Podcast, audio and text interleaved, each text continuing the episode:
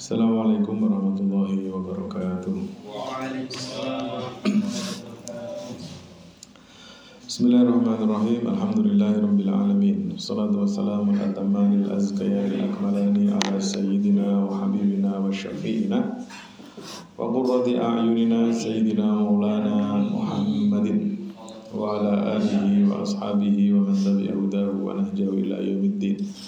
ربنا اشرح لنا صدورنا ويسر لنا امورنا واحلل عقدة من لساننا يفقه قولنا اللهم انا نبرأ من حولنا وقوتنا الى حولك وقوتك يا ذا القوة المتين اما بعد Hadratan Muhtaramin yang saya hormati, yang saya banggakan teman-teman sekalian Alhamdulillah pada kesempatan yang baik di hari yang penuh berkah ini kita masih diberikan kesehatan, diberikan kesempatan oleh Allah Subhanahu wa taala sehingga kita bisa melanjutkan pengajian haqaiq anit tasawuf.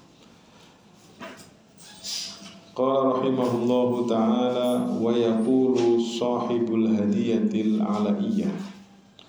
Lan ngendika sapa pengarang kitab Al-Hadiyah Al-Alaiyah. Ngendikane waqat tadhaharat lan teman-teman dadi jelas. Apa nususus syar'i? Apa pira-pira nas syariat? Wal ijma'u lan kesepakatane ulama ala tahrimil hasadi ing atase keharamane hasud. Wa qaril muslimin lan sepakat ing atase keharamane ngerendahkan atau apa ya menghina sesama umat Islam wa iradatil makruhi lan haram ngersakaken to ngarepaken perkara kang makruh perkara kang ora apik bihim kelawan al muslimun wal kibri lan keharamane sifat takabur wal ujubi lan sifat ujub war riya ilan riya wan nifaq lan nifaq. Wa jumlatil khaba'is lan sepakat atas keharamane piro-piro perkara Allah khaba'is bayane al khaba'ith min a'malil qulubi nyatane saking pira-pira penggaweane ati.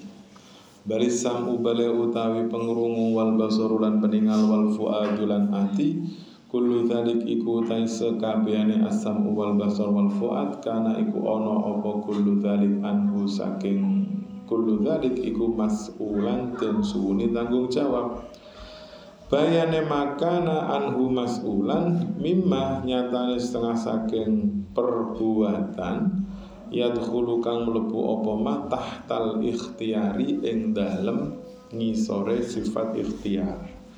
Artinya segala perbuatan yang dilakukan oleh telinga, mata, hati selama itu berada dalam kendali kita yadkhulu tahtal ikhtiar maka itu semua akan dimintai pertanggungjawaban. Nah, ini sederhana sekali kan. Jadi yang dimintai pertanggungjawaban itu adalah ma yadkhulu tahtal ikhtiar. Jadi segala sesuatu yang kita bisa memilih untuk melakukan dan tidak melakukan itu dihisap oleh Allah. Tapi kalau pekerjaan itu atau sesuatu itu bersifat terima saja ya itu tidak termasuk sesuatu yang akan dihisap oleh Allah. Contoh seperti terlahir sebagai seorang laki-laki. Nah ini mm, nanti tidak akan dihisap sama Allah. Kenapa lahir laki-laki? Nah, karena kita tidak bisa loh milih. Tapi kalau baik buruk pinter bodoh miskin kaya bahkan dalam satu kesempatan. Nah ini akan diminta pertanggungjawaban. Nah ini masih ada sambungan ya sambungan dengan apa tadi? Eh, terkait dengan ilmu tasawuf bahwa membersihkan hati membersihkan amalan-amalan hati itu juga penting. Karena hati itu kalau nggak dikelola dengan baik maka dia akan melakukan hal-hal yang diharapkan tadi. Wa yaqulun ketika sapa sahibu maraqil falah Sebab pengarang kitab Maraqil Falah La tanfa'u ora manfaati apa at-taharatu apa sesuci adh-dhahiratu kang zahir. Jadi proses pensucian yang nampak mata seperti wudhu, mandi dan sebagainya itu tidak bermanfaat illa ma'at taharati kejaba sertane kebersihan al batinati kang bersifat batin cara melakukan toharoh al batinah adalah bil ikhlasi kelawan ikhlas. Wan nazahati lan ngadoi anil ghil saking permusuhan. Wal ghish lan penipuan. Wal hiqdi lan apa hiqd itu al intiwa'u 'ala al adawah wat tarabbusu 'alaiha. Hiqd itu menunggu kesempatan untuk menjatuhkan orang atau menjatuhkan saudara kita. Ya, apa bahasanya? Wal hasad. Nah, kalau hasad ini apa? Taman nih zawalin nikmah. Hasad itu berharap nikmat yang diperoleh oleh saudara kita pindah ya ataupun hilang bahkan Watathirul qalbi ay watathiril qalbi lan carane membersihkan hati adalah tathiril qalbi ngersi itu nyuciaken hati amma saking perkara wallahi kang saliyane Allah minal kaunaini saking kaunain ya kaunain itu ya semesta alam ya. Faya butuh mongko nyembah sapa muslim hu ing Allah li dzatihi krana zati Allah la li illatin ora kok krana tendensi alasan ilah menyembah karena Allah patut disembah bukan karena sesuatu yang lain. Muftakiron halil butuh ilahi maring Allah wa wa halil tay Allah iku yatafaddalu paling kemurahan sapa Allah bil manni kelawan alman Alman itu al-fadlu wal ihsan Cara Allah berbuat baik kepada manusia biqadha ihawaijihi kelawan nyukupi piro-piro kebutuhannya al-muslim al-muttari kang keponcong uh, apa pihak kelawan hawaij jadi kebutuhan-kebutuhan pokok itu dicukupi oleh Allah Kenapa Allah berbuat baik kepada kita? Atfan krono sayang alaihi ing atase insan atau muslim. Fatakun moko ono sira iku abdan iku dadi kawula fardan kang tunggal lil maliki kedue rojo al ahadil fardi kang esa. Ya ahad fard itu artinya satu-satunya ya, tidak ada sekutu. La yastariku. Nah niki Ojo akan budak ka ing sira apa syai'un suwiji-wiji bayane syai' minal asyai saking pira-pira perkara siwahu kang sakliyane Allah. Jadi cara mengesakan Gusti Allah adalah dengan napa tidak menghambakan diri kepada selain Allah. Jadi jangan sampai selain Allah apa pun itu apa pun ya. Makanya selain Allah itu redaksi yang cakupannya sangat luas sekali. Entah itu anak kita entah itu istri kita harta kita pekerjaan kita popularitas kita apa pun itu syai itu angkarun nakiroh ya. Nakiroh yang levelnya paling nakiroh. Jadi segala sesuatu. Bahkan Allah juga dikatakan syai ya. Nusamillah syai'an lakal asya wa dhatan an jihad kesidil khali itu. Tapi ilayah kuka jangan sampai diperbudak oleh selain Allah. Jadi menjadi hamba Allah. Itu artinya ya loyalnya kepada Allah saja. Jangan menjadi hamba-hamba yang lain. Wala yastamliku lan ojo milikaken. Apa hawaka hawa nafsu ira an khidmatika saking nglayani ira iyahu ing saliyane Allah. Jadi jangan sampai hawa nafsu kita itu justru lebih condong melayani diri kita dibandingkan melayani Allah Gusti Allah. Ini redaksi hawa ini diambil dari mana? Dari hadisnya Rasulullah ya. Kalau nggak salah hadisnya redaksinya la yu'minu ahadukum hatta yakuna hawahu taba'an lima bihi jadi Rasulullah menggunakan redaksi hawa-hawa itu ya ya keinginan ya. Jadi keinginan kita keinginan kita itu jangan sampai menguntungkan kita istilahnya, tapi sesuai dengan yang diinginkan oleh Gusti Allah. Nah, ini dia. Nah, jadi setiap kali kita ingin sesuatu pastikan Allah menginginkannya tidak. Nah, itu namanya apa? La yastamliku hawa ka an khidmatika iyyahu. قال الحسن البصري رحمه الله تعالى. عندك صبا السيد حسن البصري رحمه الله. رب مستور سبته شهوته قد عريا من ستره وانهتك. صاحب الشهوة عبد فإذا ملك الشهوة أضحى مالك. رب مستور pirang-pirang wong kang ditutup. Orang-orang yang tertutup. Sabat nawan atau apa bahasa Jawa nawan apa ya? Apa ya menawan. Menawan itu bukan ganteng ya. Tawanan. Sabat sabyun dari kata sabyun tawanan perang. Ter terpenjara. Ah gitu aja sabat menjarahu ing mastur apa syahwatuhu apa syahwate mastur. Qad arya teman-teman ucul sopo mastur min sitrihi saking tutupe al mastur wan hataka lan tegese kebuka ai insyaqqa apa asitr Sahibu syahwati utai wong kang duweni syahwat. Orang-orang yang memiliki nafsu abdun iku kawula. Faida malaka nalikane nguasani sopo sahibu syahwah asyahwata ing hawa nafsunya adha moko dadi sopo sahibu syahwah dadi iku malikan rojo jadi uh, ini ya Eh, banyak kasusnya orang-orang yang aibnya itu ditutupi. Ditutupi itu siapa yang menutup? Adalah Gusti Allah. Tetapi karena dia menjadi budak nafsunya maka tutup itu kemudian dia buka sendiri. Jelas ya jadi kadang ada jadi Allah itu zat yang menutup aib manusia. Allah punya sifat yang namanya satta, itu menutupi dosa, menutupi kesalahan hamba-hambanya. Tetapi sahwatnya manusia ini justru malah menelanjangi dirinya di hadapan sesamanya, ya kan?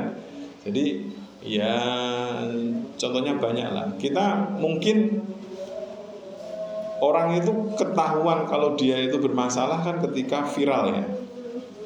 Pada saat dia tidak ada apa-apa ya kita melihatnya orang itu baik. Gitu. Tapi ketika dia tidak mampu mengelola syahwatnya, ketika dia tidak mengelola mampu mengelola hawa nafsunya dan justru dia menjadi budaknya, maka kemudian keburukannya akan nampak ke publik. Nah, itu namanya apa? Qad min sitrihi wan hataka. Inhitak itu artinya yes, kelihatan telanjang bulat gitu. Ditelanjangi oleh syahwatnya sendiri. Jelas ya nah, jadi makanya kenapa di paragraf kedua faida malaka syahwata adha malika. Jadi ketika dia mau mampu mengontrol hawa nafsunya maka ya dia akan terjaga aibnya. Jadi yang membedakan kita dengan orang lain itu bisa ngontrol nafsu atau tidak. Jadi sebenarnya sama. Kita ambil contoh kasus kayak gini mawon biar jenengan dapat gambarannya Ketika orang menjabat, ketika orang punya jabatan, pasti dia punya kesempatan untuk melakukan pelanggaran.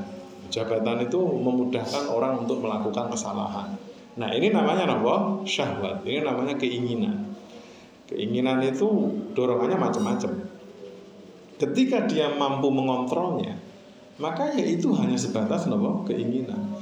Tapi ketika dia tidak bisa mengontrol, bahkan syahwat itu justru malah menjadi apa namanya rajanya, ya apa yang terjadi? Ya, aibnya akan dibuka, akan terbuka ke publik. Dia terus melakukan pelanggaran-pelanggaran dan akhirnya diketahui oleh banyak orang. Nah ini ya, jadi syahwat itu atau hawa nafsu, keinginan, syahwat itu sudah jadi ini ya, sudah jadi bahasa Indonesia syahwat politik, syahwat kekuasaan.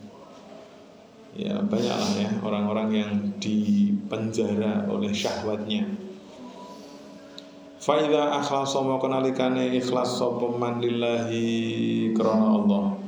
Wa bimalan ikhlas kelawan nglakoni perkara kalafa kang merti-merti sapa Allahu ing muslim bihi kelawan ma wartadha ran ridho sapa muslim hu ing ma koma moko nuli nglakoni sapa muslim ya atau syakhs tadi fa'adza moko nuli nglakokaken sapa syakhs hu ing hafat moko bakal ngliputi hu ing syakhs apa al inayatu apa pengreksone Gusti Allah ail hifz atau tadbirullah. Inayah itu artinya tadbirullah dipernahke kali Gusti Allah. Kapan haitsu tawajjaha ing dalem endine panggonan tawajjaha madhep sapa? Sakhs watayam mamalan nejo sapa sakhs Nah ini yang paling penting. Wa alamalan mulang sapa Gusti Allah ing sakhs ma ing perkara lam yakun kang ora ana sapa sakhs iku ya lamu iku ngerti sapa sakhs. Jadi ketika orang itu ikhlas di samping ikhlas dia juga menjalankan perintah Allah secara optimal ridho dengan apa yang diperintahkan oleh Allah. Kemudian dia menjalankannya dengan penuh kerelaan hati maka Allah akan membalasnya dengan inayah. Nah inayah itu apa? inayah itu kondisi ketika urusan kita dipernahkan oleh Gusti Allah.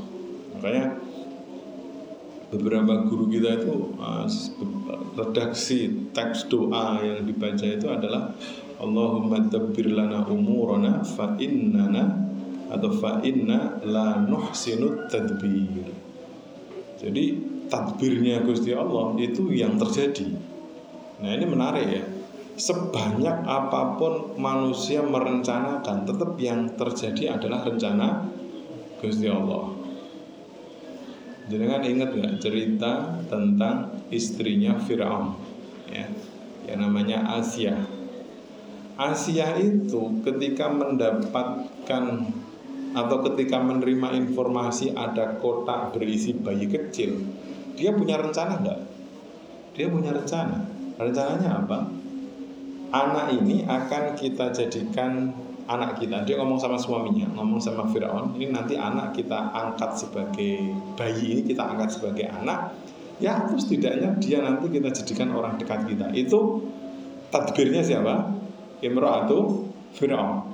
Tapi ternyata takbirnya Gusti Allah menghendaki bahwa bayi kecil itulah yang kelak akan meruntuhkan kekuasaan Fir'aun. Nah, jadi yang terjadi ya takbirnya Gusti Allah. Sebanyak apa pun kita merencanakan, sebanyak apa pun musuh jenengan berpikir bagaimana cara menjatuhkan, tapi asalkan kita percaya bahwa yang terjadi adalah aturannya Gusti Allah ya yang terjadi itu saja. Nah ini makanya istilahnya apa? Inayah berada dalam pengerksan pun Gusti Allah inayah. Nah ini versi berbeda dari hidayah ya. Sekarang kita punya inayah. Nah, terus itu yang pertama. Yang kedua wa'allamahu manam yakun ya'lam. Allah berikan pengetahuan yang sebelumnya kita tidak tahu. Nah, jadi ini ada orang yang mengartikannya nopo laduni. Ada juga bukan laduni lah. Apa ya? Ada juga yang mengartikan mahu malam yakun ya'lam itu kayak semacam kemampuan beradaptasi. Jadi ada orang-orang itu yang belajarnya cepat. Jadi dikasih apa, dikasih contoh sekali gitu, terus bisa, terus profesional ada orang itu yang dikasih contoh 10 kali kurang iso itu juga ada nah ini nah ini wa'allamahu malam yakun ya'lam nah ini ilmu-ilmu seperti ini nah ini santri insya Allah punya lah ya karena santri itu multi user dia itu bisa di mana saja. Serius bisa santai bisa ya formal bisa nah, tradisional oke. Okay. makanya kalau kata Mbah Mun itu ada istilah alaikum biddithar wasyiar itu fleksibilitas. Fleksibel itu bukan plain plan ya. Nah ini kadang-kadang salah paham kita. Fleksibel itu mampu menyesuaikan kondisi. Nah, kalau pakai bahasa Arabnya ya likul lirijalin makomun walikul lima komen rijal itu fleksibel namanya.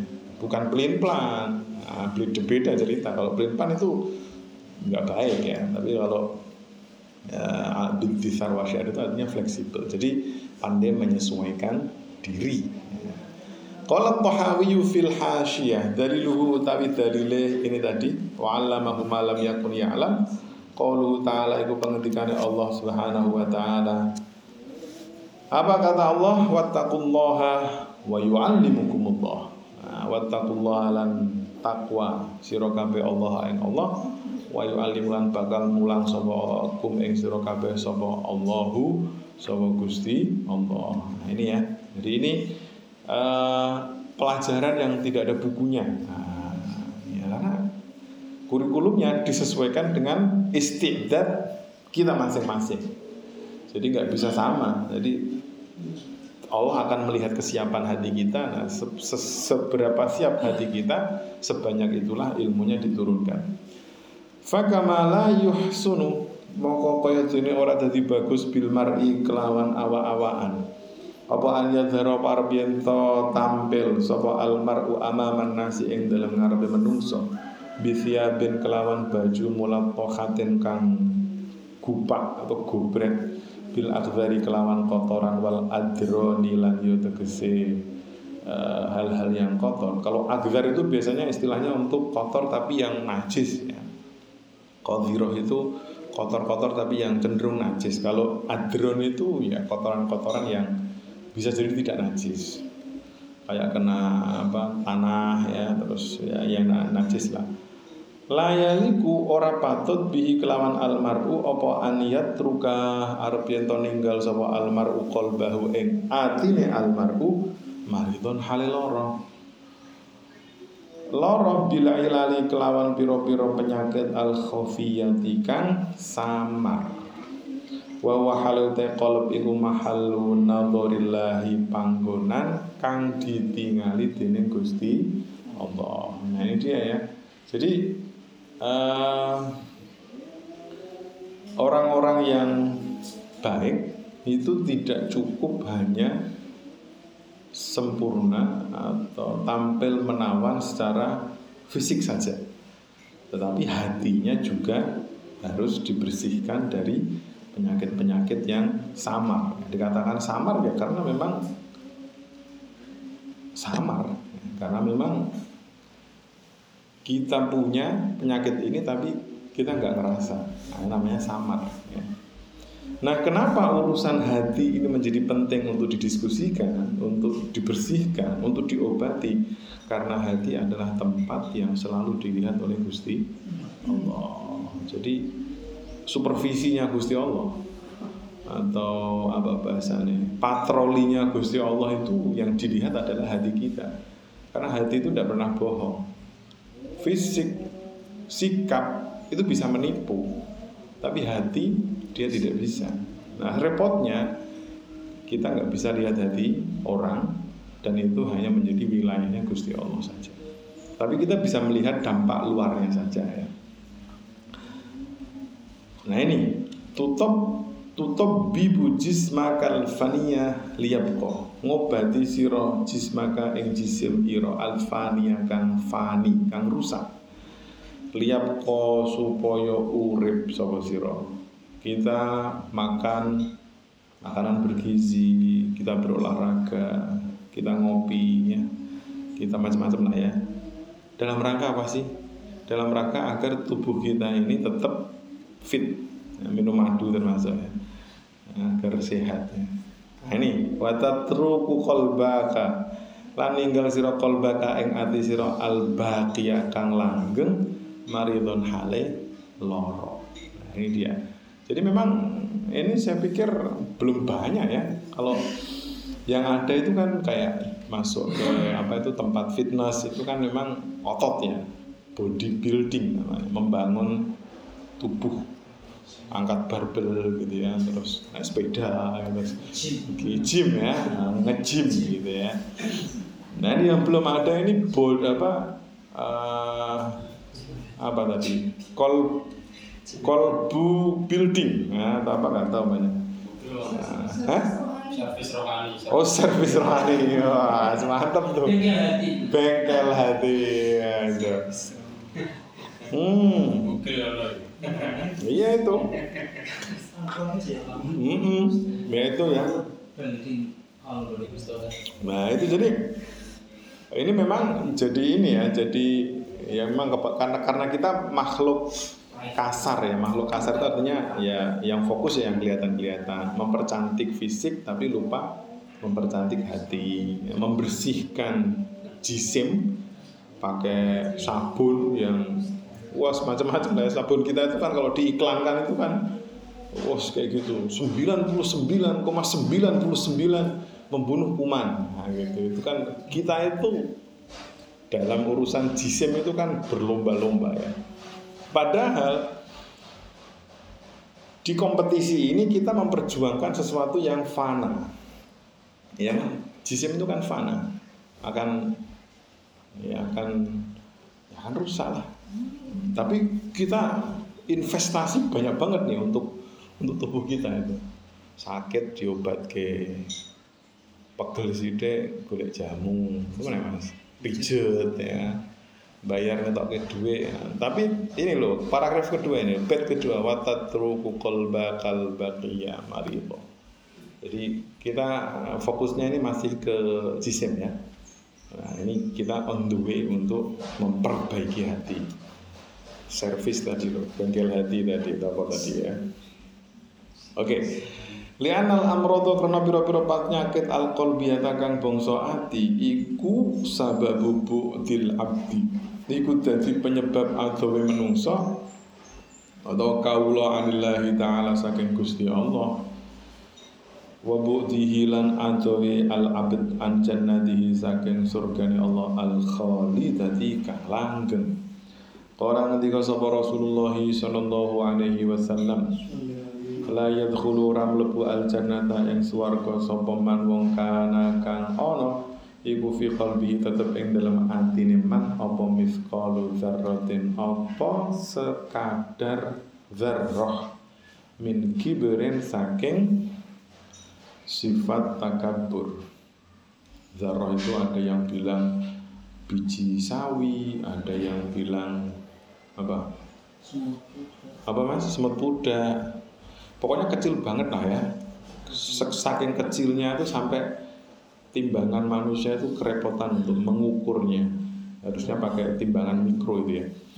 Nah, itu kecil banget. Selembut apa pun sifat takabur itu akan menghalangi seseorang untuk masuk surganya Gusti Allah. Jadi eh, logikanya kayak gitu. Hati yang sakit menjadikan kita jauh dari Allah. Dan kalau jauh dari Allah otomatis kita jauh dari surganya Gusti Allah. Lah hadisnya itu tadi. Wa ala ngatasi ikilah penjelasan yang dari awal sampai sebelum akhir ini ya. Fasalamatul insani moko utawi keselamatane menungso fi akhiratihi ing dalam akhirat al insan Iya ya salamatul insan iku fi salamati qalbihi ing dalem keselamatan atine al insan. Jadi ini penting ya. Jadi selamat keselamatan kita itu tergantung dari kondisi hati kita. Wa najatuhu lan selamate al insan fi najatihi ing dalam selamate al insan min amrodihi saking piro-piro penyakite al qalbu al madhkurati kang tutur. Jadi kalau pengen selamat akhiratnya maka pastikan hatinya sehat. Pastikan hatinya tidak sakit. Wakot takfa lan terkadang dari samar. Ala insani ing atase menungso apa ba'du uyu binafsihi apa sebagian cacat-cacat awak dhewe ini al-insan. Ini normal ya. Tukang cukur tuh ya nggak bisa nyukur rambutnya sendiri. Orang apa? Keliliben itu ya ora iso ngilangi keliliben disebul mripate dhewe kan nggak bisa. Nah, dia butuh orang lain untuk membantu. Wata tukulan jadi lembut alaihi yang atase al insan apa ilalu qalbihi apa penyakit atine al insan. Ketika kekurangan diri kita itu tidak nampak jelas dan susah untuk dideteksi. Apa yang terjadi? Fayak tak itu mau ngeyakini sapa insan fi nafsihi ing dalam awak dhewe al insan al kamala ing sempurna. Jadi karena ya karena tadi karena lembut banget penyakit hati itu.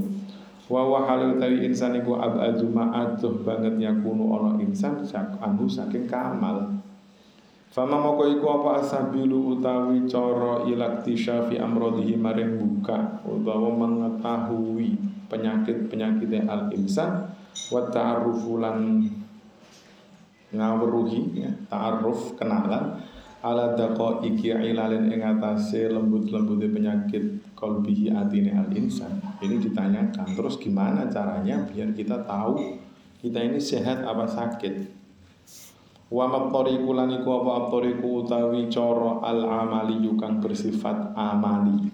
Amali itu kalau bahasa kita ya praktis ya, cara-cara praktis. Praktis itu kalau sekarang orang mengartikan praktis itu apa sih? Praktis itu sederhana kan. Padahal praktis itu diambil dari kata praktik. Praktik itu artinya sesuatu yang dijalani gitu. Jadi praktis itu belum tentu mudah sebenarnya cara praktis masuk surga itu ya gampang sih. Cuman otak kita itu sudah praktis loh, berarti praktis itu gampang kan gitu kan. Praktis itu kan dari kata praktik. Jadi ada nalgori, ada amali. Kalau nalgori itu teori, kalau uh, apa? Amali itu praktik. Jadi praktek teorinya. Jadi uh, cara praktis meraih keuntungan melalui YouTube. Itu bayangannya jadi kan terus, gue nih ini langsung jadi untuk duit gitu. Padahal kan belum tentu juga itu. Ya, karena amali itu apa? Step by stepnya istilahnya ya, step by stepnya, langkahnya, langkah teknisnya itu kayak gini loh. Ilmu ala jihadi roti maring ngambani kilah pura-pura penyakit wa takhallusu minha lan selamat minha saking hadil amrod. Nah, ini dijelaskan ini. Cara kita untuk menyelamatkan diri dari penyakit-penyakit tadi gimana? Inna tasawufa saat temen tasawuf wa yutasawuf iku alladhi iku ilmu ikhtasso kang spesifik khusus apa alladhi? Bi mu'alajatil amrodi kelawan nabani biro-biro penyakit al qalbiyati kang bangsa ati. Wa tazkiyatin nafsi lan bersihaken nafsu atau jiwa. Wa takhallusi lan selamat ya min sifatnya saking sifat-sifat nafsu an naqisati kang kurang Nah ini ya solusinya tasawuf lah. Wong yang dibaca kitab tasawuf kok yang masuk solusinya fikus siro kan ya udah kan? Bahasa tasawuf ya. Ini tasawuf. Nah, ini menarik ini mulai menarik ya. Kalau Ibnu Zakwan fi faidati tasawufi. Ibnu Zakwan bercerita atau memberikan keterangan terkait dengan faedah tasawuf dan urgensinya. Nah, tasawuf itu gimana? Ilmun bihi tasfiyatul bawatin min kadaratin nafsi fil mawatin. Utai tasawuf iku ilmu niku ilmu. Bihi iku tetep kelawan ilm tasfiyatul bawatin utawi nyuciaken atau bersihaken anggota batin. Anggota-anggota yang enggak kelihatan. Hati lah gitu aja ya. Membersihkan min kadaratin nafsi saking biro-biro kotorannya nafsu fil mawatin yang dalam biro-biro panggungan Qala al-allamatu al-manjuri fi syarhi hadzal bait. Yang dijelaskan. At-tasawufu ta tasawuf iku ilmu niku ilmu yu'rafu kang den kina weruhi bi kelawan ilm apa kaifiyatu tasfiyatil batin apa tata cara kaifiyah bersihaken ati min kadaratin nafsi saking kotoran nafsu Maksud dari kadaratu nafsi itu apa? Ay biha tegesi piro-piro cacate an-nafas. Wa sifati halan sifat-sifati an-nafas Al-mazmumati kang den Kal ghil Kaya sifat ghil Tadi ya permusuhan Wal hiqdi, wal hasadi, wal ghish Wa hubbith thanai Lan seneng dilem. Suka like Suka di komen. Ya, Ini suka jadi pusat perhatian. Wal kibr wal riya wal ghadab wal tama wal bukhl wa ta'zimil aghniya lan ngagungaken wong sugih wal istihanati lan apa ini ngerendahke apa ya ngino merendahkan ya. Bil fuqaroi kelawan biro-biro fakir nah ini ya hati-hati nih. Mengagungkan orang kaya, merendahkan orang fakir itu termasuk apa? Sifatun nafs al mazmumah. Tapi realitanya ya, ya kalau yang datang orang kaya ya tetap dimanggap kayaknya ini serius ya. Enggak pak, ini dari akan, kalau tidak akan, nah, tapi kalau yang datang fukorok masa kini, asli gede gue akan, es kuliah gue dewi, gitu ya. Orang itu mah sudah jadi ini ya kayaknya. Allah, kita itu susah banget untuk memberlakukan orang setara itu bukan perkara mudah ya. Dan orang-orang yang kayak gitu juga punya dalil. Dalilnya tadi likul lima komen rijal, walikur rijalin makomun. Nah, itu yang repot juga ya. Semua punya dalil ini. Tapi prinsipnya eh, istihanah dan ta'zim itu lebih ke niat ya sebenarnya kalau saya melihatnya ya uh, niat itu ya yang tahu Gusti Allah karena belum tentu uh, apa sih yang kita lihat itu istihanah belum tentu itu memang benar-benar istihanah. Kadang-kadang kayak gitu. Ya ini kembali ke niat. Niatnya dulu kita tata. Liana ilmu tasawuf karena satu temen ilmu tasawuf iku yattali iku mirsani apa ilmu tasawuf adalah aibi ing atase cacat wal ilajilan tombo wa kayfiyatihi lan toto corone ilaj. Atau melihat masalahnya di mana, mengobati dan bagaimana cara A, membawa obatnya dan bagaimana cara mengobatinya. Fabi ilmi tasawufi maka kelawan ilmu tasawuf yutawassalu.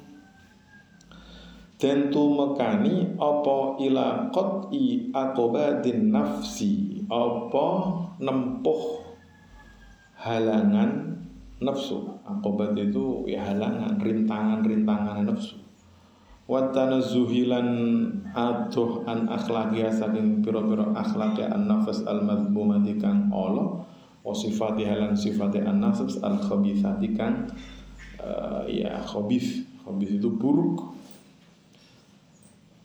Sampai kapan ilmu ini bekerja? Ilmu tasawuf itu loh. Jadi ada goalnya ya. Ibarat misi itu dia punya garis start punya garis finish Finishnya kapan? Hatta yutawassola sehingga jadi tumengko apa bisa kelawan mangkono ilmu tasawuf ila takhliyatil qalbi maring ngosongaken ati an ghairillahi taala saking saliyane Gusti Allah. Itu goal tertingginya tasawuf itu hati kita itu tidak ada selain Gusti Allah. Jadi hati kita itu ya hanya milik Allah. Yang pertama, yang kedua wa tahliyatuhu lan mais-maisi menghias al-qalbu bi subhanahu wa ta'ala. Jadi ada istilah tahliyah, ada istilah tahliyah. Bedanya cuma kok sama hak saja. Nah kalau kata ulama ada istilah, ada kaidah ya kalau nggak salah at-tahliyah qabla tahliyah. Itu artinya apa? Dikosongkan dulu baru dihias. Karena kalau Anda hias dulu, kotorannya masih apa masih ada. Yaitu kayak orang nggak mandi tujuh hari tapi pakai parfum ya. Suatu saat akan terjun busuknya juga gitu maksudnya nah itu dibersihkan dulu. Mandi dulu setelah bersih semua baru kemudian pakai parfum. Itulah kenapa Ibn Qayyim al Jauzi itu ketika ditanya mana yang terbaik istighfar atau tasbih Beliau menjawab yang baik adalah istighfar. Karena istighfar itu tahliyah, tasbih itu tahliyah. Istighfar itu membersihkan, kalau apa tasbih itu minyak wangi, parfum. Jadi ya sebelum dikasih parfum ya bersihkan dulu. Ya nanti jenengan cari yang lain ya, barangkali ada yang eh, perspektifnya berbeda. Amma tahliyatun nafsi Anapun utawi mais-maisi nafsu Bisifatil kamilati Ini bingung nggak teman-teman Kok nafsu itu kok kadang mazmumah Kadang mahmudah ya Bingung nggak? Bingung apa nggak kira-kira? Nafsu itu Jadi kalau dari kalimat nafsu itu konotasinya itu Nafsu itu jelek apa buruk? Hah? Nah itu dia Jadi nafsu itu bisa baik bisa buruk ya nah, Jadi kalau keterangannya saya Rojab kayak gini nafsu itu settingan awalnya itu dia berasal di tengahnya hati. Jadi nafsu itu ibarat hati itu saya pernah digambarkan sama Syekh itu ya. Hati itu bentuknya kayak kayak hati itu, kayak love itu ya. Kayak apa sih itu? Ya kayak hati, lope-lope itu ya. Nah, kayak godong waru. Nah, nafsu itu ada di tengahnya gitu, kayak garis itu di tengah. Setiap kali orang itu baik, nafsu itu akan naik ke atas. Tapi ketika orang itu banyak melakukan kemaksiatan, nafsu itu akan nurun ke bawah. Jadi dia tuh naik turun kayak kayak apa? Kayak jarum pertalite itu loh. Pertalite ya, kayak jarum BBM di motor mobil itu loh. Semakin dia diisi dia naik, semakin dia dibiarkan dia akan turun. Makanya dalam Al-Quran nafsu itu setidaknya dibagi menjadi lima. Saya nggak hafal semuanya.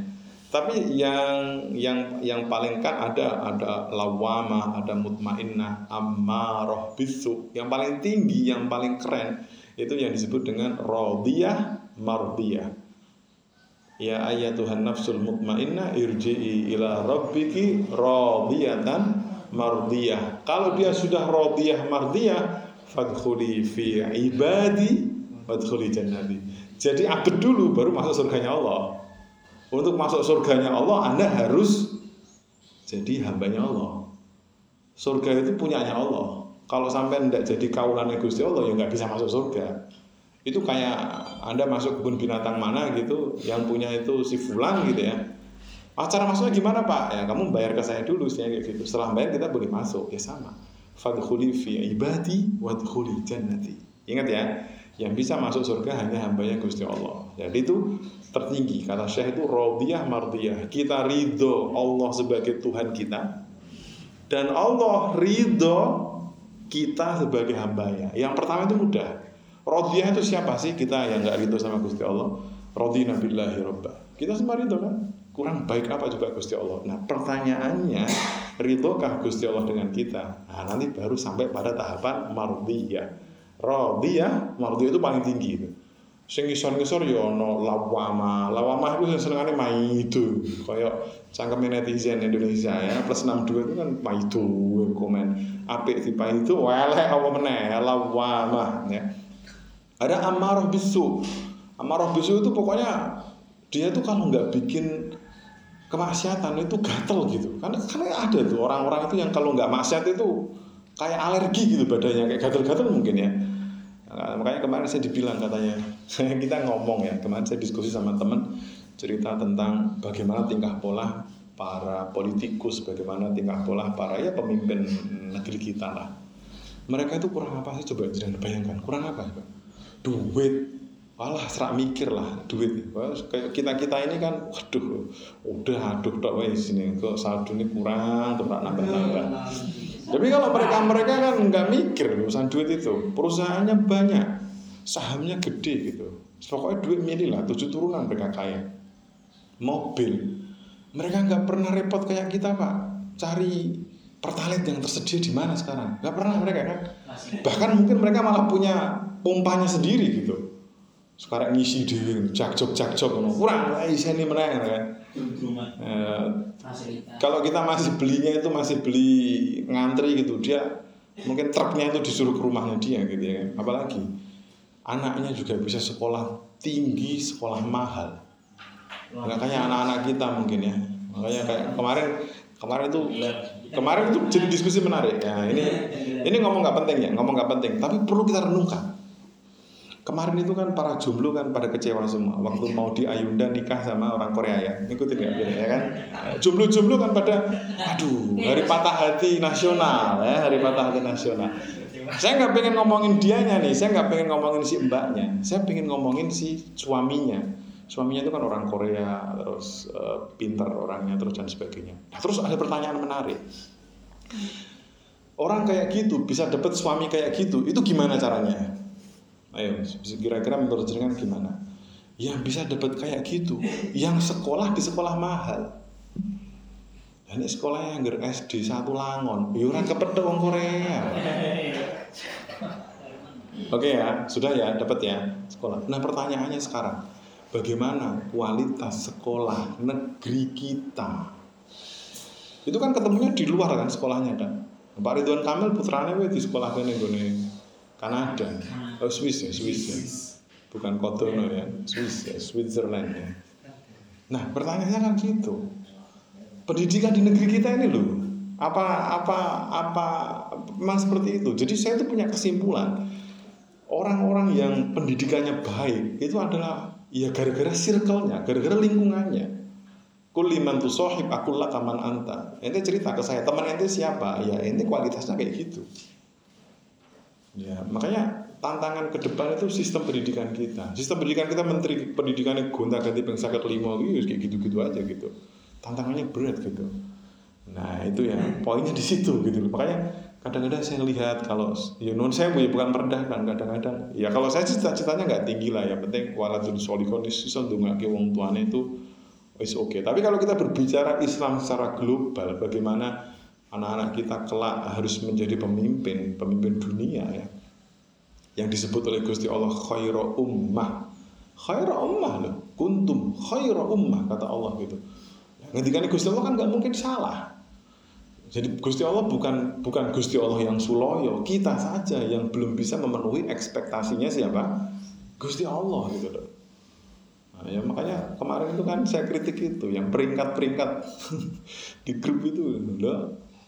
6500 nomor papat 600 sekian gitu. Loh saya tuh kalau masuk kelas itu yang masuk separuh aja nggak ada kok.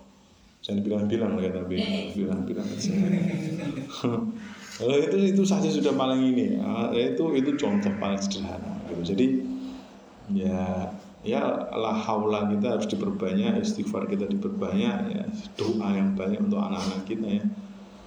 Karena ke depan itu ya gak cukup maksudnya jadi saleh untuk dirinya sendiri, tetapi juga harus musleh ya, harus jadi saleh untuk lingkungan ya minimal untuk istri dan keluarganya.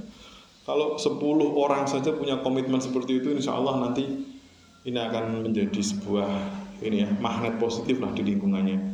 Kalau jenengan dengan istri punya komitmen, anak kita itu ojo sanggur munang tok ya harus pinter, harus kayak gini ya, harus jadi anak yang salih salihah itu insya Allah nanti akan jadi elemen positif gitu ya. Kalau tapi ya Pak harus ben ra wis Orang koncone do ngono kok. Ini kadang-kadang kita ya. Ngikut pasar kita itu ngikut pasar kita. Kita kita itu kalau nggak ngikut pasar tuh kayaknya nggak seru gitu. Padahal ya kita nggak perlu berkompetisi dengan siapa pun. Ya. Jadi baik untuk diri kita dan untuk orang lain. Nah, itu ya. Nah, itu namanya apa? Eh, tahliyah ya. Nafsu itu kayak gitu. Jadi ada levelnya memang. Nah, yang paling tinggi itu rodiyah mardiyah. Nah, naik turunnya nafsu inilah yang kita perjuangkan pertarungannya bagaimana kita menaikkan dan menurunkan level nafsu kita. Nah, di sini ada tahliyatun nafsi bisifatil kamilah. Nah, tadi kan mazmumah nih, sekarang kamilah. Contohnya kataubati wat taqwa wal istiqomati wal sidqi wal ikhlasi wal zuhud. Zuhud itu zuhud aja. Wal wara'i lan wirai wa tawakkul lan tawakkal wal ridha wat taslim pasrah wal adabi lan adab wal mahabbati wal dzikri wal muraqabah lan muraqabah. Fali Sufyan di mongko kedue ulama tasawuf bidzalika kelawan mangkono tahliyatun nafsi bi sifatil kamilah al hadzul awfaru utawi hadz bagian al awfaru kang akeh Hadzul Aufar itu artikan saja kontribusi ya. Hadz itu kontribusi artinya. Jadi mereka punya kontribusi yang luar biasa minal wirasati saking peninggalan annabawiyati kang bangsa kenabian fil ilmi ing dalam ilmu wal amalilan amal. Nah, ini dia.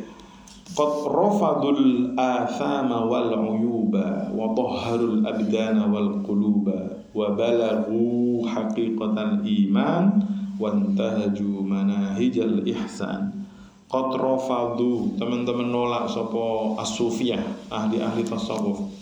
Ini saya sudah melihat buku aslinya ya Futuhat Ilahiyah ini.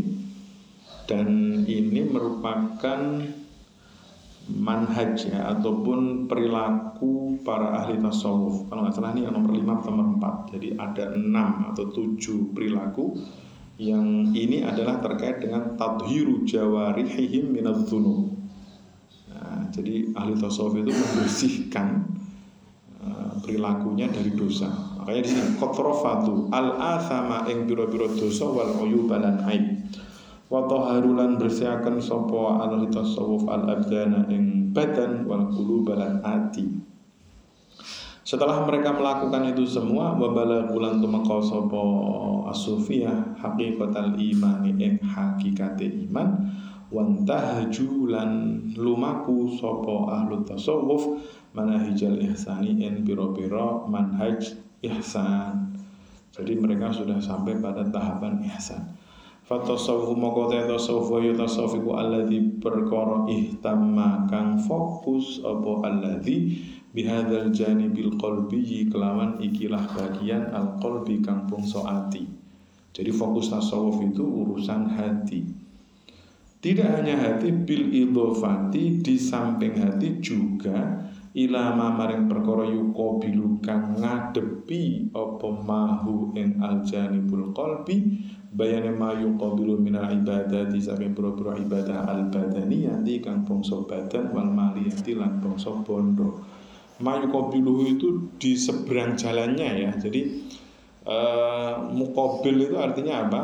Berhadap-hadapan artinya gini teman-teman yukobiluhu itu bukan berarti tasawuf itu fokus dengan hati ibadah urusan nomor sekian enggak ini juga diurus sama tasawuf Itulah kenapa tasawuf yang benar itu harus dimulai dari pemahaman fikih yang betul. Karena apa? Ibadah badaniyah dan maliyah itu akan bisa dikatakan sah manakala pelakunya punya pengetahuan tentang fikih. Makanya dikatakan mayuko biluhu. Jadi barengan gitu. Tidak bisa, wes tasawuf lah. Terus gimana? Nah sholatnya biar sholat engkau lah. Sepenting eling Gusti Allah sama kayak gitu ya. Sepenting dikir sepenting solawatan terus diajak untuk bagaimana praktik wudhu yang baik. Alah sangger sepenting solawat nah, kadang-kadang ini bes angger ini loh. Atau apa ya bahasanya? Cara berpikir sederhana atau menyederhanakan urusan ini yang repot dalam dunia keilmuan jadi nggak bisa ya yukobilu itu artinya kudu jalan bareng kedua-duanya Para samalan gambar opo atasaf at-tariqa ing dalan al-amaliyah kang bersifat amali praktis alladzi kang yusilun meka akan apa alladzi al-muslima ing muslim ila a'la darajatil kamali maring puncak derajat kesempurnaan al-imani kang bangsa iman wal khuluqi lan akhlak. Jadi akhlaknya baik, iman juga berkualitas. Walaisalan ini penting ya, ini paragraf paling penting yang perlu jenengan kasih stabilo garis bawah tulis tebal ya Wali sang ora ana apa tasawuf kama kaya dene perkara ya kang nyono sapa ba'dun nas sebagian manungsa. Tasawuf itu bukanlah qiraata auradin maca pira-pira wirid wa hilaqo azkarin lan halaqah halaqah zikir fahasbu. Maka cukup qiraah aurat dan halaqah apa? Halaqah itu halaqah zikir. Jadi tasawuf itu bukan hanya urusan dikir, ya urusan majelis dikir, bukan. Falakad ghoba maka teman-teman hilang an adhanil kathirin. Saking benak ataupun atine wong akeh anna tasawufa apa sak tasawuf ini penting manhajun iku manhaj metode amaliyun kang bersifat praktis praktek kamilun kang sempurna. Jadi tasawuf itu bukan di lisan. Tasawuf itu bukan Anda hadir ke majelis zikir, tapi tasawuf adalah akhlak. Tasawuf itu perilaku. Tasawuf itu bagaimana kita berinteraksi dengan orang lain, bagaimana kita berbicara, bagaimana kita bersikap, itu tasawuf. Kemudian manhaj amali kamil ini gimana sih gambarannya yuhakiku kang mujudaken apa manhaj amali kamil inqilabal insani ing perubahane menungso min saksiyaten saking profil ataupun saking pribadi munharifatin kang menggo-menggo kang melenceng ila saksiyatin menjadi pribadi muslimatin kang muslim misaliyatin kang ideal mutakamilatin kang saling menyempurnakan. Nanti mutakamilah akan saya jelaskan sejenak. Nah, inkilab itu apa kalau bahasa sampean sekarang? Inkilab itu adalah transformasi Jadi nggak usah pakai bahasa hijrah lah, hijrah itu sudah bahasa mereka ya. Kita pakai bahasa transformasi. Jadi tasawuf itu mentransformasikan, merubah orang yang semula agamanya buruk, omongannya kasar, nggak pernah sholat, ya, gak paham carane wudhu sing bener piye, gak iso bedake rukun syarat sunai sholat. Ketika dia belajar tasawuf menjadi pribadi yang santun, menjadi pribadi yang sholat sah, tahu hukum fikih. Dapat ya poinnya ya. Nah kadang-kadang kita kan nggak kayak gitu pak. Tasawuf terus piye kucel gak dus minggu gitu sama ya.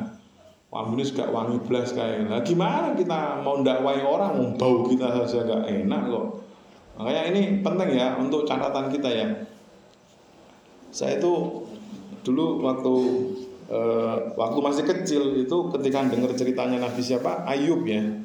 Yang jari katanya punya penyakit kulit itu loh. Nabi siapa namanya? Ayub kan? Ya Ayub gudikan jari gudikan gede gede terus metu ure masuk keluar. Apa kayak ya kayak belatung gitu ya. Dulu waktu kecil otak saya dicekoi dengan pengetahuan-pengetahuan yang kayak gitu tapi setelah kemudian berangsur belajar lah kalau nabi punya karakter kayak gitu lah dia nggak bisa tablik dong. Wong nabi itu punya sifat wajib apa? Sidik amanah tablik fatona lah gimana dia mau dakwah? Lah orang lihat aja udah takut kok. Nah itulah pentingnya yo ya rodo santri itu ya kudu rodo gagah ya pentingnya di situ. Tabliknya itu biar dapat jangan kalah sama ustadz-ustadz yang ilmunya cuma dari Google itu yang serbanya tiap hari ganti warna itu saya ingat ya saya ingat betul itu saya ingat betul itu dulu dipesan sama Mbah Mun itu waktu awal-awal mondok ya awal-awal mondok itu uh, Yai itu kan perso kalau di keluarga besar saya itu ada yang nggak setuju saya mondok. Lalu itu ya itu strateginya kayak gini. Mulai mulai neng anu yo aku nyileh kelambi kelambi ini nganggo kelambi sing wapi jar gue jar. Nonton gadah mbah nyileh. Nyileh gue kono sing wapi sih lah. Nah, terus kenapa mulai mbah anu gue duit sing waki. Lah mboten gadah ya nyileh. Bapak ngeten. Jadi duit itu disilet, yo coba nggo silet wae. Sing mbok nggo duit em ya. Tapi duit kok mesti lah. Jadi santri ku ben sawang ora klumprat, klumput, gagah klambine api, duit akeh. Oh ya. Iya Jadi kan itu Nah iya, ada coba bayangkan misalia mutakamilah. Jadi inqilab terjadi transformasi. Jadi Ya, tapi mungkin kalau di sarang itu memang nggak diajari ya cara ini ya. Ya sing sing ganteng ya ketok ganteng, sing komprot ya ketok komprot ngono kae. Sampai ono 100 seminggu wetenge anggere ngeleh di kayak remason wae. Kalau kan di duit mangan ya Kang pripun. Jadi ya iku mbek promak. Jadi gak lorotan. Nah ini ini luar biasa ya misalnya. Jadi menjadi uh, ideal itu ya ya ideal gitu itu gagah ya itu sawang pantas ngono lho. Dadi nek cara jenengan diaturi saya Pak Kiai dungane iku keluarga saya ngundangku ya ini gagah. Ya nah, jangan terus nanti pulang bilang sama istrinya fit bareng ngaji sesuk gantian mic ke motornya ala ya, ya enggak kayak gitu juga gitu maksudnya proporsional ya wah nanti saya repot Gusudin bagi mulai terus fix tuh ke mobil lah ya repot nanti Ya, ini proporsional. Itu yang pertama. Mutakamilah artinya apa? Teman-teman kalau perhatikan uh, Pak ini Abdul Qadir Isa ini dia pakai redaksi mutakamilah bukan kamilah. Artinya mutakamilah itu proses ya. Jadi proses untuk memperbaiki diri. Jadi menuju ke batas ideal. Makanya kalimatnya takamul. Mutakamil itu kan saling menyempurnakan. Jadi orang itu dia melihat ke dirinya oh kurang saya apa sih oh saya nggak bisa ini saya harus belajar oh saya butuh ini nih saya penting punya ilmu ini oh saya belajar itu namanya apa mutakamil jadi proses untuk terus menyempurnakan diri tidak cukup dengan capaiannya hari ini itu namanya apa mutakamilah nah wadhalika utai mangkono saksiyah muslimah misaliyah mutakamilah minan nahiyati saking nahiyah ya, dari aspek iman as-salimah wal ibadah dilan ibadah al khalisah kang murni wal muamalah dilan muamalah as sahihah kang bener al hasanah kang baik wal akhlak dilan akhlak al fadilah kang utama. Jadi orang kalau tasawufnya bener itu dia menjadi pribadi yang muslim ideal dan terus berkembang tidak statis terus bertumbuh dia nah orang yang kayak gitu itu ya artinya imannya salim selamat, ibadahnya baik karena dia paham ilmunya, muamalahnya benar dan terpuji. Nah, bener dong nggak cukup ya. Sesuai fikih tapi dia ngedol mah miso-miso ya padha Ya gak pas. Bener harus disampaikan dengan cara-cara yang hasanah. Yang terakhir adalah akhlaknya terpuji. Jadi ini tasawuf ya, ini tasawuf. Jadi tidak bisa ada mengatakan sufi terus gak sholat ya itu kan ada itu anak-anak jurusan filsafat itu kadang-kadang kayak gitu bareng lebu jurusan filsafat terus malah orang gelem sholat Gusti Allah bisa disembah di mana pun kapan pun. Nah ya, ya bener di mana pun kapan pun ya fa'in nama tuwalu fathama wajhullah ya bener. Tapi sholat maksudnya itu ya sholat caranya ya kayak gitu yang diajarkan oleh kanjeng Nabi. Lah mereka saking ini ya saking cerdas ya ngumpuli kanjeng Nabi kadang-kadang Oke, okay. wa min huna saking kene bangunan tafsirut dadi jelas apa ahamiyatu tasawuf ya apa pentingnya tasawuf wa bulan faidah tasawuf. Wa yatajallalan dadi pertela lana maring kita biwuduhin kelawan jelas banget apa annahu saat temene tasawuf iku ruhul islami iku ruh Islam wa qalbuhu lan jantunge Islam annabidu kang berdenyut. Itilah isa krono ora ono bahada dino apa ikilah agama iku amalan piro-piro amal zahiriyatan kang bersifat lahiriah. Wa umuran piro-piro perkara syakliyatan kang bersifat simbolis. Ya, jadi Islam itu bukan hanya tampilan fisik bukan hanya urusan simbolis fahasbu laru haura roh iku maujud fiha ing dalam amal wala hayatalan ora ana kehidupan iku maujud jelas ya jadi Islam kita itu bukan Islam formalitas Islam simbol. Tetapi Islam kita itu adalah Islam yang sampai ke spiritual ruhnya dapat dan jantungnya berdenyut Wa ma wasulan ora tumeka sapa al muslimuna sapa pira-pira wong Islam ila hadzal darki. Maring ikilah jurang minal inhitati saking kemerosotan wa dhu'fi lan keapesan ataupun kelemahan atau lemah ya. Illa hina faqadu nalikane kelangan sapa al muslimun ruhal islami ing ruhe Islam wa jauharahu lan intine ataupun permatanya Islam walam yabqalan ora tetep fihim iku ing dalem al muslimun apa illa syabhuhu? Apa kejaba syabh? Syabh itu bayangan ya. Atau bisa juga dikatakan asbah itu artinya adalah hantu. Ya, hantu itu bayangan. Jadi kata orang Arab itu kalau kalau kalau mereka menyebut hantu itu apa? Asbah jadi Ya mungkin karena mereka nggak percaya ya. Jadi nganggapnya itu bukan hantu tapi itu bayangan. Kalau kita kan hantu itu mendatangkan rezeki. Ya kan ada KKN di desa penari terus ya suster keramas, suster ngesot, ya, nggak tahu ya banyak itu ya. Itu menjadi komoditas ya. Wa madzahiruhu lan bentuk zahire al-Islam. Nah ini ya. Jadi kalau Anda bertanya kenapa atau bagaimana bisa umat Islam berada pada jurang kemerosotan seperti yang kita lihat hari ini ya tadi alasannya adalah karena mereka kehilangan rohnya Islam. Dalam tanda kutip mereka ini meninggalkan ajaran tasawuf. Lihat krono are iki naro mirsani kita al ulama ing pira ulama al amilina kang ngamalaken ilmu nih jadi ulama amil itu siapa sih? Ini ulama-ulama yang ilmunya tidak dikurung dalam kitab-kitab yang tertata rapi di rak Ulama amilin bukan mereka-mereka yang ilmunya terbingkai dalam apa ya, yang nempel di tembok dalam bentuk ijazah itu.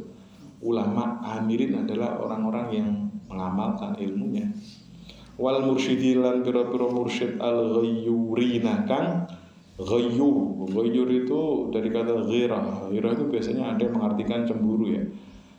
Eh, ghirah itu gampangnya adalah al-muhafadzah ala din. Orang-orang yang konsisten menjaga agamanya. Karena apa? Karena rasa cinta yang luar biasa. Ya, dianggap atau dimaknai yang cemburu ya, cemburu terhadap uh, kemungkaran, kemaksiatan yang sohuna ningali yang sohuna hari podo nasihati sopa ulama dan mursyidun anasa yang menungso bidukhuli kelawan bergaul ngaji kumpul masufiyati serta ahli tasawuf wal tizami suhbatihim lan tepi ngancani asufiyah tujuannya apa? Kenapa dulu para ulama kita itu menasihati orang-orang itu untuk ikut tasawuf dan konsisten untuk selalu suhbah? Suhbah itu ya bergaul ya melihat langsung perilakunya kayak jemau supaya mengumpulkan sopa anas baina jismil insani antarane jismil islami antarane jisimnya Islam waruhihi lan ruhen apa Islam. Dapat dua-duanya. Waliyatadzawaqulan supaya ngicipi sopa anas ma'ani as-sofai ing pira-pira maknane as-sofa as-sofa itu artinya kemurnian al-qalbi kang bangsa ati wasumuwi lan keluhuran al-khuluqi kang bangsa akhlak waliyatahaqqaqulan supaya mujudaken sapa annas bita'arrufi kelawan kenal Allah yang atasnya Allah taala mewujudkan al ma'rifata ing ma'rifat pengetahuan al yaqiniyata kang bersifat Yakin. Yakin itu apa? Yakin itu tidak bisa digoyang. Yakin itu tidak bisa ditawar. Ditawari Tuhan selain Allah Mau tidak? Ma, tidak mau pasti ya. Kalau tawarannya kayak gitu pasti tidak mau. Tetapi menggadekan agama demi kepentingan dunia nah itu sebenarnya juga sama ya. Itu pengetahuan kita tentang Allah belum sampai pada derajat yakin. Nah Ta'aruf ala Allah itu artinya kita mengenal Allah Kita mendekat, mendekat, mendekat Sampai akhirnya sampai kepada ma'rifah yang ini ya Fayatahallau moko podo ma'is-ma'isi Sapa annas bihubbihi kelawan cinta Gusti Allah. Wa muraqabi badihi lan muraqabah maring Allah. Wa dawami dikrihi lan langgeng Zikir marang Gusti Allah. Qala hujjatul Islam al Imam al Ghazali ba'da an ikhtabara. Sabadane Arab yen to nyoba to muji sapa Imam al Ghazali tariqat tasawufi ing tariqah tasawuf ketika Imam al Ghazali sudah merasakan tasawuf wala misalan nyekel sapa atau merasakan yang mendapatkan nata ijahu ing pira-pira natijah to hasil tasawuf. Wa dzaqalan ngicipi sapa uh, Al Ghazali samrotihi empiro piro kue tasawuf beliau berkata seperti ini ad-dukhulu utawi dukhul atau bergaul berinteraksi masufian disertai ahli tasawuf iku fardu ainin iku hukume fardu ain. Itulah yakhlu krono ora sepi sapa ahadun suci-wici min aibin saking aib ilal anbiya kejaba pira-pira nabi alaihi salatu wassalam. Ini siapa? Ya Ghazali ya.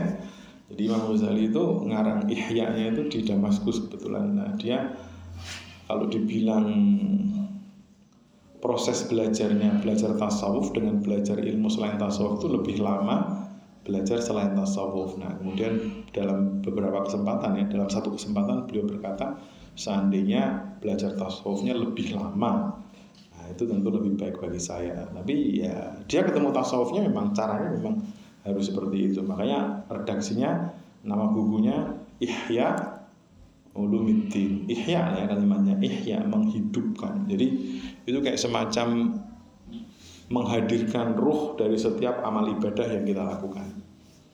Ya, itu bagus banget ya redaksinya Ihya Ulumiddin Waqala Abu Hasan Asyadili radhiyallahu anhu malam yataghalghal Utai sapane wong kelam nyata gol gol orang melebu sapa manfi ilmina ing dalam ilmu kita. Artinya tidak masuk ke dunia tasawuf. Wah ini agak tegas banget ini beliau ya. Hada yu ikilah ilmina mata iku mati itu mau mati sapa man musirran hale natepi atau ngungseng. Ngungseng itu konsisten. Tapi ini konsisten yang tidak baik. Adalah kabar ing atase dosa gede wa wahale utawi man iku layasyur iku ora ngrasa jenengan ini sudah selamat lah insya Allah kalau pakai pendapatnya Abdul Hasan Asyadzili ini. Wa fi hadzal Qur'an dalam ikilah ucapan yang kula ngendika sapa Ibnu Allan As-Siddiqi. Walaqad sadaqa lan teman-teman bener fi maqal yakni uh, sapa Abdul Hasan Asyadzili ini pendapatnya atau perkataan dari As-Siddiqi beliau mengatakan betul sekali apa yang disampaikan oleh Abdul Hasan Asyadzili. Fa sakhsin maka uta endi-endine suci-wici ya akhi yasumu iku poso wala ya'jabulan ora gawu bisomihi jadi dia membenarkan gitu, membenarkan perkataan Abdul Hasan Asyadili bahwa orang yang tidak bertasawuf itu mati dalam keadaan musirran alal kabair wa huwa la yash'ur. Kenapa kok bisa kayak gitu? Coba deh Anda pikir kayak gitu ya. Ada nggak orang yang puasa dan kemudian dia tidak merasa bangga dengan ibadahnya? Nah ujungnya loh, pokoknya di ujungnya ini. Wa yusahsin yusolli wa la ya'jabu bisolatihi Orang itu kalau sholat ya adalah sedikit perasaan bangga dengan sholatnya. Wah kadaran kaya mangkono sairu ta'ati utes sekabiane ketaatan.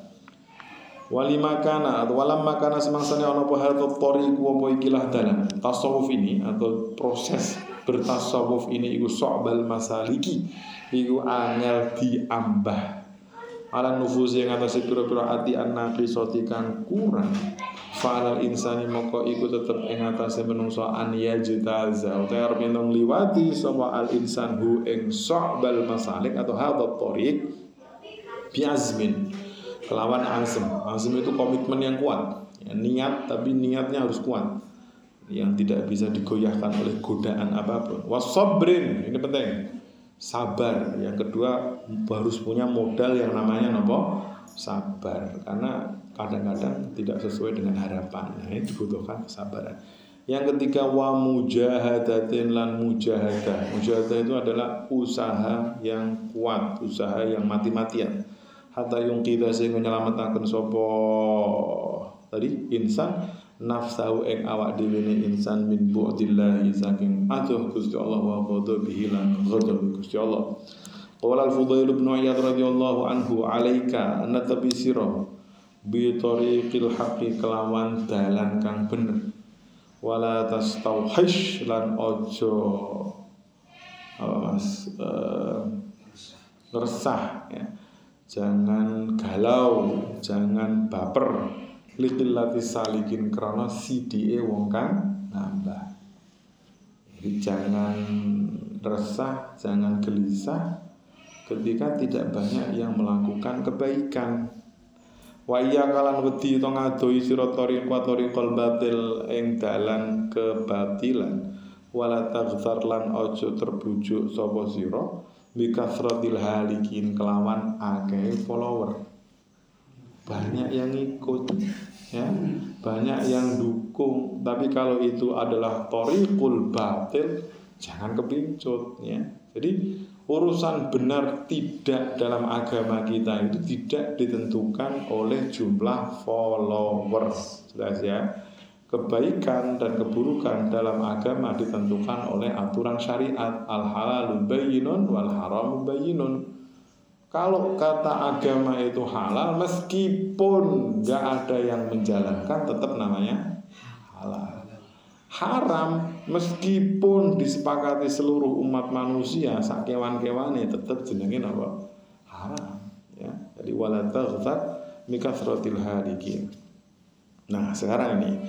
Tapi kan kadang kita memang gitu Pak. Kadang orang-orang jahat itu bisa jadi mereka adalah orang-orang yang bosan berbuat baik ya kadang ada orang itu maksiat karena apa bosan jadi wong apik Koncone nakal kabeh. Mosok kula mboten nakal, Pak. Tunggale akeh. Nah, ini kayak gitu juga ada ya kan. Wis sarame lu koncone. Koncone ya akeh, tunggale akeh. Tunggale akeh itu walata besar bikasrotil halikin ya. Jadi jangan jangan jadikan yang banyak melakukan itu sebagai pembenaran dari sesuatu yang salah. Kadang kan kita gitu ya. Koncone pun kak trennya pancen kedangnya mbak ngapusi. Ya yo jangan bisa jangan ya. Nah ini. Tapi kadang kita berada pada kondisi galau. Kadang ya kadang tuh galau. Ini dia pesan Fudail bin Iyad. Wa kullama stauhashta. Semangsane resah sira.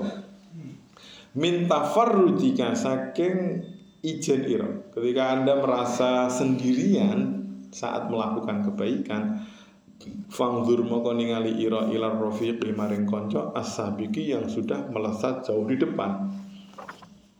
Wahris lan ngungsang sira berusaha sira ala lihati ing atase nyusul bihim kelawan ar-rifaq as-sabiq. Atau as-sabiqin.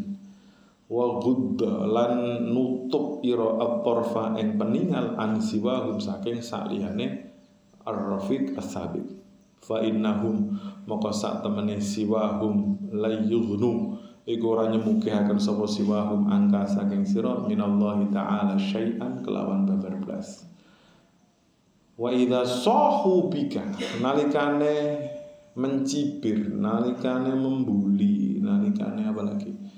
kritik, menyebut kita orang apa? tradisional, kuno, macam-macam lah ya. Gudikan terus sama macam-macam lah sohu. Bika kelawan sira fitoriki sairika ing dalam dalan melaku ira. Ketika Anda berjalan melakukan kebaikan dan banyak kritikan kanan kiri fala taltafit jangan menoleh ilaihim maring siwahum tadi atau orang-orang yang mengkritik tadi orang-orang yang sohu bika Kenapa jangan menoleh fa inna kama saat temani iromatal tafatta ketika anda menoleh menggubris kritikan bulian dan caci maki mereka? Akhoduka mau bakal ngalap sopo sohu alladzina sohu bika. Akhoduka itu artinya menjatuhkan ya. Wa aku atau kalau tidak menjatuhkan wa aku lan ngalang-ngalang sopo alladzina sohu bika kaing siro kritik terhadap hal baik itu kalau diladeni itu hanya akan menjadikan kita terjatuh ke jebakan mereka atau kalau kita nggak jatuh kita bisa konsisten tetap baik maka itu akan menghambat proses perjalanan kita menuju kebaikan-kebaikan yang lain. Jadi yang benar gimana? Ghudot siwahu. Jadi ada dalam hidup itu ada urusan yang tidak perlu kita urusi. Jadi tidak semua kritik itu harus kita tanggapi. Saya yakin ya mungkin ada di antara kita yang mengalami ya jadi orang baik terus di apa kadang-kadang ada yang bilang mus terlalu apik oh ya. Ya ndak ada terlalu apik ya ndak ada memang baik gitu aja gitu. Konsisten kita pengen konsisten jadi orang baik ya. Cobaannya memang tidak mudah Al-babus tsani al-manhajul amali fit tasawuf. Nah, itu ya sudah ada bocorannya. Nah, di kesempatan yang akan datang kita akan berbicara tentang manhaj amali. Manhaj itu panduan-panduan yang sifatnya praktis dalam dunia tasawuf dimulai dari suhbah nanti ada yang namanya al warith al muhammadi wah ini menarik ya waris muhammadi itu kenapa menarik karena nggak bisa diwariskan nggak bisa diwariskan jadi uh, Seumpama saya punya anak, anak saya saya tunjuk jadi mursyid setelah saya, nggak bisa. Itu waris Muhammad itu akan mencari siapa yang layak. Ya. Itu yang terjadi pasca kabulutnya sama Habib Syekh Ahmad Kafaro. Anaknya enggak enggak ke putra putranya ada yang bilang ke Syekh Rojab dan seterusnya makanya sampai sekarang itu Syekhina kan masih Khalifatul Syekhina kan ya karena semua nahan diri itu saya yakin ada lah ya tapi semua menahan diri untuk menyebutnya sebagai al waris al muhammadi ada akhdul ahdi ya ngambil bayat ada ilmu ada mujahadah ada zikr ada muzakarah dan ada khalwah khalwah itu khalwah ya Nanti insya Allah nanti kita akan diskusikan di kesempatan-kesempatan yang akan datang. Itu saja mungkin dari saya untuk kesempatan kali ini. Eh, terima kasih teman-teman sekalian sudah hadir. Dan semoga apa yang kita diskusikan, kita ya kita bicarakan di kesempatan hari ini bermanfaat dan menambah pengetahuan kita terkait dengan tasawuf. Prinsipnya tasawuf itu ternyata bukan hanya sekedar ya seperti yang dibayangkan banyak orang ya dikir bisa terbang terus ya kayak gitu gitulah yang ada dalam benak kebanyakan orang tetapi tasawuf itu adalah akhlak tasawuf itu adalah bagaimana kita bersikap bagaimana kita menambah pengetahuan kita sehingga tadi iman yang benar, akhlaknya baik, muamalahnya juga baik dengan sesama dan akhlaknya menjadi seorang yang berakhlak terpuji. Nah, semoga uh, sedikit demi sedikit kita bisa membenahi diri kita untuk menjadi ya nggak usah menjadi ahli tasawuf lah ya, jadi orang yang baik gitu aja saya pikir sudah cukup lah untuk kita hari ini. Semoga bermanfaat. Kurang lebihnya saya mohon maaf dan tentunya kita berdoa untuk barangkali ada yang keluarga atau orang terdekatnya sekarang sedang sakit ya kita doakan semoga lekas sembuh dan juga untuk teman-teman yang mungkin tidak bisa hadir pada hari ini